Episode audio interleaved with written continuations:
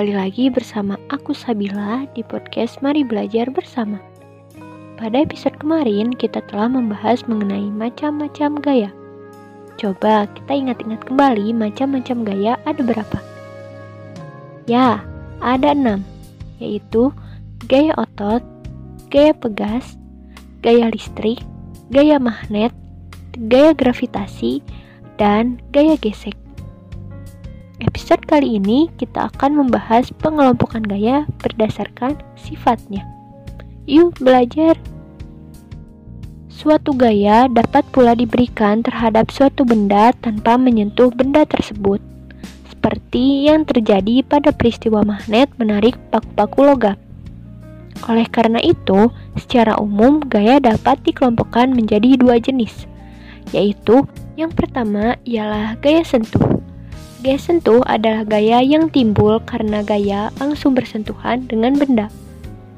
Gaya jenis ini termasuk paling sering kita temui secara sadar dalam kehidupan sehari-hari. Seperti peristiwa pedagang mendorong gerobak atau anak menendang bola. Yang saat memberikan gayanya, mereka harus bersentuhan dengan benda yang ingin mereka gerakan.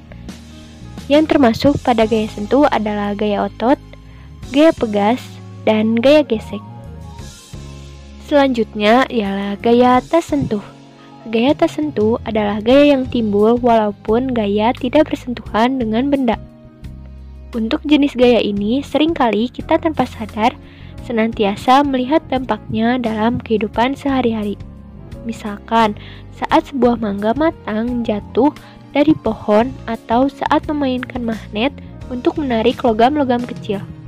Pada peristiwa-peristiwa tersebut, benda bergerak, namun tidak terlihat siapa atau apa yang menarik atau mendorongnya. Inilah yang dikenal sebagai gaya tarik gravitasi yang terjadi pada peristiwa mangga jatuh dan gaya magnet yang terjadi pada peristiwa logam-logam kecil tertarik oleh magnet. Di mana dalam memberikan gayanya, mereka tidak memerlukan sentuhan dengan benda yang ingin mereka gerakan. Sekian episode kali ini. Setelah mempelajari pengelompokan gaya berdasarkan sifatnya, selanjutnya kita akan mempelajari tentang gerak. Terima kasih telah mendengarkan. Selamat belajar, sehat-sehat ya. Sampai jumpa di episode selanjutnya. Bye.